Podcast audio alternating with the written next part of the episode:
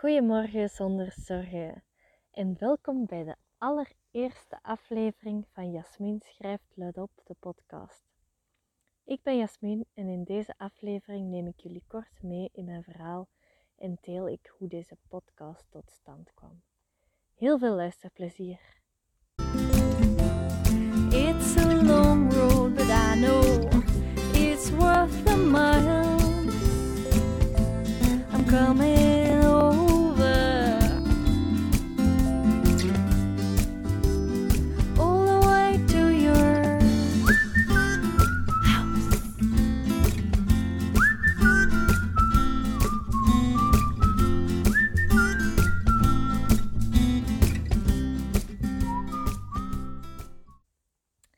Ik ben dus Jasmin, ik ben 28 jaar jong. Ik ben een auteur en ik schrijf voor de Belgische uitgeverij Willems Uitgevers. Overdag zorg ik voor mijn dochter Lily en s'nachts schrijf ik. Niet de hele nacht natuurlijk, meestal slaap ik. Ik slaap samen met haar eh, om 8 uur en dan sta ik weer op om 2 uur s'nachts om te schrijven, totdat ze rond een uur of 6, 7 uur weer wakker wordt. Het grootste deel van mijn dag breng ik door op het strand met mijn dochter. En dat was ook echt mijn droom om aan de zee en op het strand te kunnen leven. Ik had vier jaar geleden letterlijk op een papier aan de muur, in grote letters, ehm, boeken schrijven op het strand met mijn spelende kinderen voor mij. En die droom is dus echt heel hard uitgekomen. Want ik kom oorspronkelijk dus niet uit een strandregio. Ik kom uit de boerenkempen, uit het regenachtige zeeloze Merksplas. En ik hoor u denken, in Merksplas staat inderdaad een gevangenis, ja, maar ik heb niet in die gevangenis gezeten. Mensen vragen me dat echt vaak als ik zeg dat ik uit Merksplas kom. Ah, zat je daar in de gevangenis? En dan zeg ik, nee, nee, nee, nee, nee, dat was in Egypte. En dan, hoe jee, dan vallen er meestal monden open of gaan er handen voor monden. Of handen in haren soms ook. Maar nu dus geen Egypte meer. Of ook geen merkplaats meer en al helemaal geen gevangenis. Ik woon nu op Lanzarote, op de Canarische eilanden. En dat is een eilandengroep voor de, ja, aan de kust eigenlijk van de westelijke Sahara in het zuiden van Marokko. Ik denk dat dat dan 100, 200 kilometer van uh, Afrika ligt. En aangezien ik een hele harde Afrika-fan ben, ik heb echt een Afrikaanse ziel, vind ik dat echt zalig om hier te wonen. Ik woon natuurlijk niet alleen hier. Of ja, natuurlijk. Alleen wonen zou ook prima zijn. Maar ik heb een hele goede vriend. En dat is ook de papa van mijn dochter, Lily. En mijn vriend is een Argentijn en die poetst en repareert zwembaden. En in zijn vrije tijd gaat hij graag surfen, vissen of skaten. We leven ons leven hier eigenlijk heel dicht bij de natuur, in een dorpje, aan de zee, tussen de bergen. En hier wonen letterlijk twee geiten en een haan en wij. en we horen die geiten en die haan dan ook echt bij elke zonsopgang.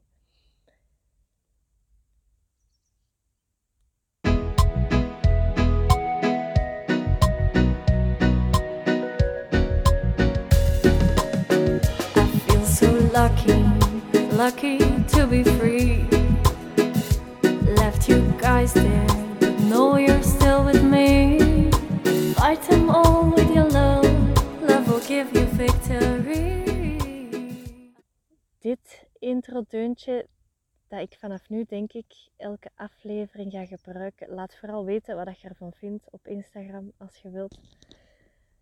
Dan uh, heb ik ook een beetje feedback maar dat is dus een stukje uit het liedje dat ik zelf schreef nadat ik net uit de gevangenis uh, vrijkwam. En de dag dat het geschreven was en dat ik dacht, nu is het echt, echt klaar, kwam ik ineens aan het zwembad een componist tegen die uh, voor een producer werkte in Cairo.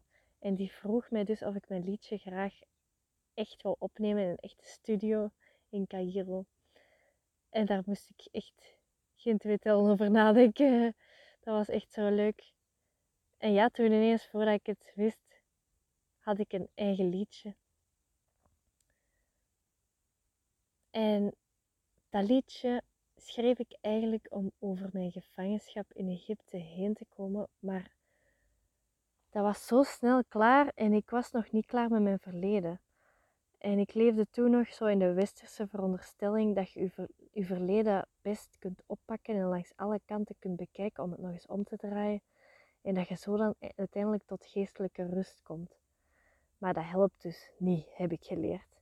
Ik leerde hoe meer dat je je focust op iets, hoe groter dat dat wordt. Dus hoe meer ik me bezig hield met wat er eigenlijk was gebeurd, hoe minder dat ik in het nu leefde. En ja, ik werd dan echt meegezogen in mijn verleden eigenlijk. Maar uh, toen ik in de luchthaven van Oostende aan de gate stond om terug naar Egypte te vliegen, het land dus waar ik pas in de gevangenis had gezeten, daar kreeg ik het idee om er een boek over te schrijven. Want dat zou net iets langer duren om te schrijven dan een liedje. En ook vooral omdat ik aan die gate het idee had van hoe hallucinant of hoe gestoord zelfs bijna is het dat ik nu terug naar het land keer waar ik net nog gevangen werd gehouden, terwijl ik nog een rechtszaak heb die daar loopt. En terwijl ik daar eigenlijk net gedwongen door Toei dan ben uitgezet, want ik werkte daar voor Toei. En dat ik gewoon alles op het spel zet, enkel en alleen maar voor de liefde. Want ik was verliefd op mijn baas en daarom ging ik terug. Daar is trouwens een hele misvatting over. Dat, dat is een Duitser en geen Egyptenaar. Maar dat doet er eigenlijk ook niet toe. En ik ging eigenlijk ook terug omdat Egypte, nadat ik daar bijna negen maanden had gewoond, was dat ook mijn thuis geworden. Ik had mezelf daar echt teruggevonden. En om jezelf terug te vinden, moet je zelf eerst heel, heel, heel hard verliezen. En dat was bij mij natuurlijk het geval. Want in 2018, denk ik, of 2017, of iets ertussenin, uh, had ik echt een hele, hele, hele, hele hevige burn-out. Of ja, ik denk niet dat er een zachte burn-out bestaat, maar ik was in ieder geval zwaar overspannen. En slapen lukte mij niet meer. Ik denk dat ik misschien hooguit een paar uur per nacht lichtjes indommelde. Sommige nachten sliep ik gewoon niet, dat weet ik echt nog goed. Mijn goede nachten waren als ik zo één of twee uur echt had geslapen. Dat is echt hallucinant als ik daar nu terug aan denk. Ik bracht mijn nachten echt badend in het zweet door en ook overdag was er echt niks, maar echt niks waarvan dat ik ook maar een beetje tot rust kwam. Zelfs wandelen in de natuur of zo, dat bracht mij niet meer tot rust. Ik weet ook dat ik geprobeerd heb op een gegeven moment om te mediteren, maar dat was toen in die tijd echt een hel. Mijn hoofd dat dacht echt de verschrikkelijkste gedachten. Ik had vooral toen zoveel mogelijk afleiding nodig om toch maar niet mezelf te moeten horen denken. Ik vond het eigenlijk zelfs al vervelend als er nog maar iemand tegen mij praatte, dus ik was echt heel heel ver. En als ik daar nu op terugkijk, is dat echt niet meer dan logisch dat mij dat eigenlijk is overkomen. Ik ben het, moet nu kort uitleggen hoe dat ik dat. Ja, ik ga gewoon kort uitleggen hoe dat, dat dan zo ver is kunnen komen. In 2013 studeerde ik af aan uh, de middelbare school. Ik had woordkunst en drama gestudeerd. Want ik was als kind eigenlijk altijd heel artistiek. En ja, ik was gewoon graag creatief bezig. En dus ik voelde me echt als een vis in het water in die studierichting. Ik werd daar echt zo gelukkig van. Maar hoewel dat ik altijd meer dan echt, echt meer dan goede punten haalde, had ik de rotsvaste overtuiging dat ik niet goed genoeg was om in een artistieke richting verder te gaan. Ik had best theater willen verder studeren of kleinkunst of scenarist. En ik heb ook één ingangsexamen meegedaan voor de opleiding uit theater in het Rits in Brussel. Maar ik ging daar ook al naartoe met het idee van, ik ben daar toch niet bij. En ik had dat ook allemaal zo voorbereid met, ja, zo half-half, omdat ik dacht van waarom de moeite doen als ik het toch niet kan. Dus het ontbrak me een beetje aan de mindset. Maar ik kon ook goed schrijven en ik had daar eigenlijk veel complimenten gekregen door de schooljaren heen. Dus ik dacht, ik ga journalistiek studeren. Dan kan ik ook veel schrijven. En daar kwam ik eigenlijk al snel tot de ontdekking dat schrijven wel iets voor mij is, maar journalistiek schrijven was verschrikkelijk. Ik moest mij aan allerlei regeltjes houden. Uh, je tekst moest een bepaald aantal woorden omvatten. Ik mocht in geen geval ook maar een beetje afwijken van het onderwerp, want er, ja, er is een bepaald schema dat je dan moet volgen. En tijdens dat eerste jaar hoger onderwijs journalistiek kreeg ik ook mijn eerste echte vriendje. Ik had een cursus redder gevolgd om een badmeester of badmeester, ja, of badjuf, zo zegt je dat toch? Ja, om een hoger redder te worden tijdens mijn uh, studententijd. Dat verdiende goed en uh, ik kon eigenlijk van kinds af aan echt goed zwemmen. En dus, uh, mijn vriend dat ik daar leerde kennen, die kon het snelst van iedereen zwemmen. En die was ook nog eens het gespierd. En dat waren toen dingen dat blijkbaar belangrijk waren voor mij. Hoewel dat ik nu veel harder zou kijken naar hoe gelukkig dat iemand is. En veerkrachtig dat iemand is. En of dat hij wel weet wat dat hij wil van het leven. En of ja, zo die toekomstvisie, daar was ik toen nog totaal niet mee bezig. En het feit dat mijn vriendje dus antidepressiva nam. En dat hij soms zelfs zijn bed niet uit wou. Daar maakte ik me toen eigenlijk nog geen zorgen over. Dus je voelt de bui al hangen, of ik voel hem zelf toch al als ik er zo over vertel. Een slechte studiekeuze en dan nog eigenlijk iemand dat mij meer naar beneden haalde dan dat hij mij in mezelf deed geloven. En daar kwam dan ook nog eens bij dat ik echt een ontzettende people pleaser was, of ben eerder. Want dat is niet iets wat helemaal weggaat. Als ik weinig heb geslapen of, of door iets anders wat onder druk sta, dan kan het nogal eens voorvallen dat ik weer mensen ga proberen te pleasen. Maar nu ben ik mij daar dus heel hard van bewust. En nu weet ik ook waar dat, dat vandaan komt. In ieder geval toen nog niet. Dus vriendinnen ergens gaan halen om vier uur s'nachts, ook al had ik de volgende dag een belangrijk examen, was geen probleem. Ik herinner mij zelfs dat ik mijn beste vriendin helemaal in Amsterdam, wat dus echt heel ver is van Merksplas, ben gaan halen puur omdat hij zich niet goed voelde. En daarvoor maakte ik dan ook nog eens thuis eerst ruzie om de auto te krijgen. Ah, ik was er echt. Ik probeerde iedereen te helpen, maar uiteindelijk, ja, helpt je dan niemand. In al die acties, ja, acties zijn dat, kwamen eigenlijk verder uit het gevoel van ik ben niet goed genoeg. Dat was echt mijn overtuiging. Ik ben het niet waard. En vlak voor de examens besloot ik dan ook te stoppen met mijn studie journalistiek. En op een week tijd probeerde ik echt van alle studierichtingen die mij ook maar een beetje interessant leken. Psychologie, filosofie, leerkracht lager onderwijs, kleuteronderwijs heb ik ook nog gedaan. Um, secundair onderwijs denk ik niet, maar heb ik wel even over getwijfeld. Dus ja, eigenlijk wist ik totaal niet wat ik moest studeren. Het enige wat ik wilde was eigenlijk ontsnappen aan de keuzes zelf. En dat zou echt prima gaan als ik naar het buitenland zou gaan. Dat was toen al wat ik stiekem diep van binnen verlangde. En ik koos uiteindelijk om talen te studeren, want met die talen dacht ik stiekem, dat zei ik tegen niemand, zou ik dan later wel naar het buitenland kunnen. Maar mijn allergrootste motivator was, zoals bijna altijd in mijn leven, de liefde. Want die campus lag vlakbij het huis van mijn depressieve vriendje. En zo had ik dus nog meer tijd om hem nog gelukkiger te maken.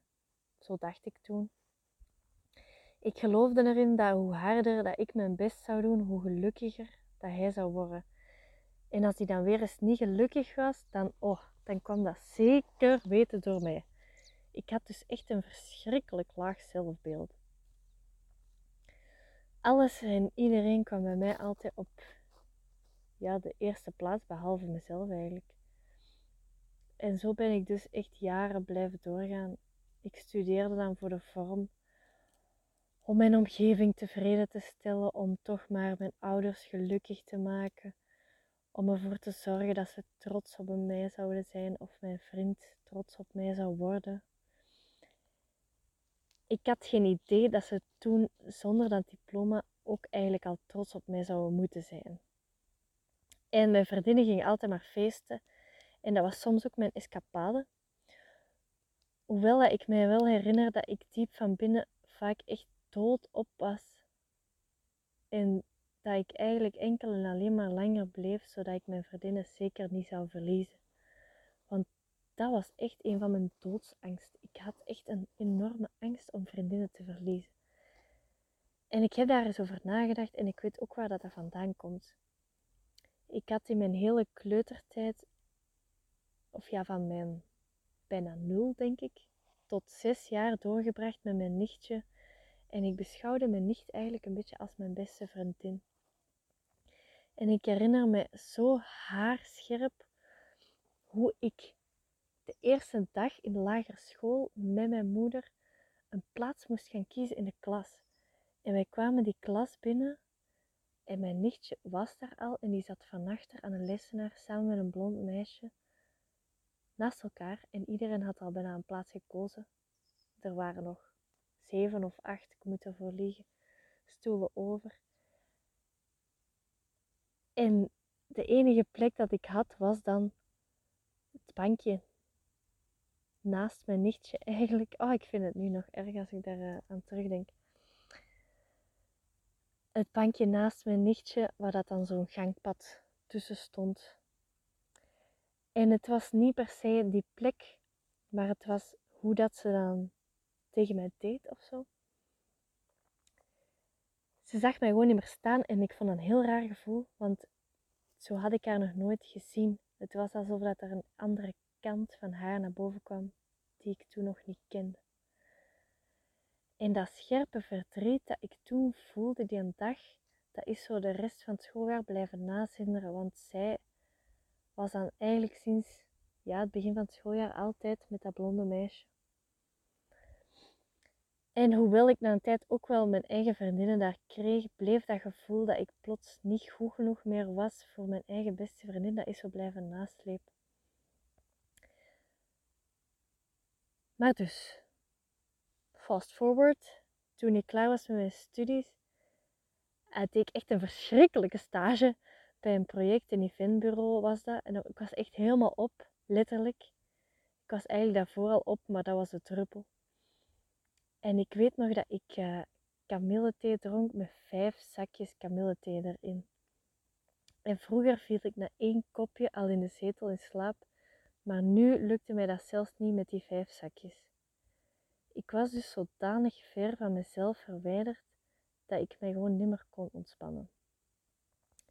En ik herinner me dat ik toen naar een dokter ging en die schreef mij Xanax voor. Of slaappillen of alle twee. En die vroeg mij ook of dat ik nog vaak ging, op stap op café ging of ging feesten. En ik zei nee. En nu vind ik dat zoiets hallucinant. Want ik ga nu ook nooit meer feesten of op café. En ik ben volledig oké. Dus ik vind het heel raar dat het er bij ons zo in zit. De alcohol. Of ja, feesten op zich u de enige manier dan zijn, zou zijn om te ontspannen. En daarna dacht ik ook, hoe kan dat nu dat ik als 22-jarige al zo'n soort medicatie krijg voorgeschreven? Dat kan toch niet? Er was toen voor mij meer mis met het systeem dan met mijzelf. Want hoe gek is dat eigenlijk dat wij van kleins af aan gewoon in het systeem worden geduwd? Dat wij van kleins af aan onze vrijheid kwijt zijn. Onze vrijheid wordt van kleins af aan afgenomen. En als we dan na jarenlang naar een opvang te gaan en daarna naar een kleuterschool, een lagerschool, een middelbare school, als we dan op 18-jarige leeftijd terug vrijkomen, zo gezegd, dan kiezen we maar snel direct iets dat ons terug onze vrijheid ontneemt, omdat wij dat intussen gewend zijn om geen vrijheid te hebben.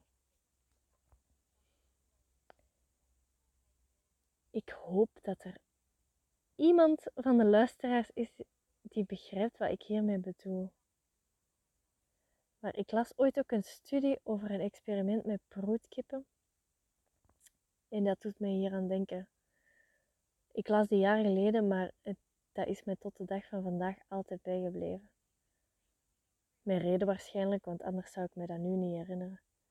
En dat experiment ging over broedkippen. Kippen die dus hun hele leven in een piepklein hokje hadden geleefd en niks anders hadden gedaan dan eieren broeden. En nu hadden ze voor dat experiment diezelfde kippen uit die hokjes gehaald en vrijgelaten in een weiland. En wat gebeurde er? Die kippen werden dus losgelaten in dat weiland. En de eerste weken bleven al die kippen op dezelfde plek zitten. Dus ze laten die vrij en die bewegen niet. Die beestjes waren dus zodanig geconditioneerd dat ze niet beter wisten dan gewoon te blijven zitten. En dat denk ik dat er precies aan de hand is met ons. Omwille van het systeem waarin dat wij opgroeien, zijn wij zo vastgeroest, denk ik bijna. En we zijn vergeten dat we eigenlijk gewoon ja, vleugels hebben om te vliegen. We denken dat we zullen vallen als we vliegen, dat we zullen falen. Maar ik ben er hier en nu met deze podcast om u klaar en duidelijk te zeggen dat de waarheid is dat we eigenlijk gemaakt zijn om onze vleugels uit te slaan. Wij zijn hier niet om op onze plek te blijven zitten. Wij zijn hier om samen te vliegen. En het liefst zo hoog mogelijk. Ik hoop dat er luisteraars zijn die hier iets aan hebben. Want dat is precies de reden waarom ik deze podcast begin. Omdat ik wil dat er zoveel mogelijk luisteraars met mij mee gaan vliegen. Dus niet enkel door mijn geschreven woorden in mijn boeken, maar dankzij deze podcast kan ik nu ook de mensen bereiken die nooit boeken lezen. En dankzij deze podcast laat ik niet enkel geschreven woorden achter na mijn leven hier, maar ook hopelijk veel uitgesproken woorden waar heel veel mensen iets aan hebben. Dat is mijn hartewens. Dankjewel voor het luisteren. En moest je genoten hebben van deze podcast, vergeet dan zeker geen sterren te geven op Spotify zo komt hij hoger in ranking en kunnen we nog meer mensen inspireren of verder helpen om nog gelukkiger te leven.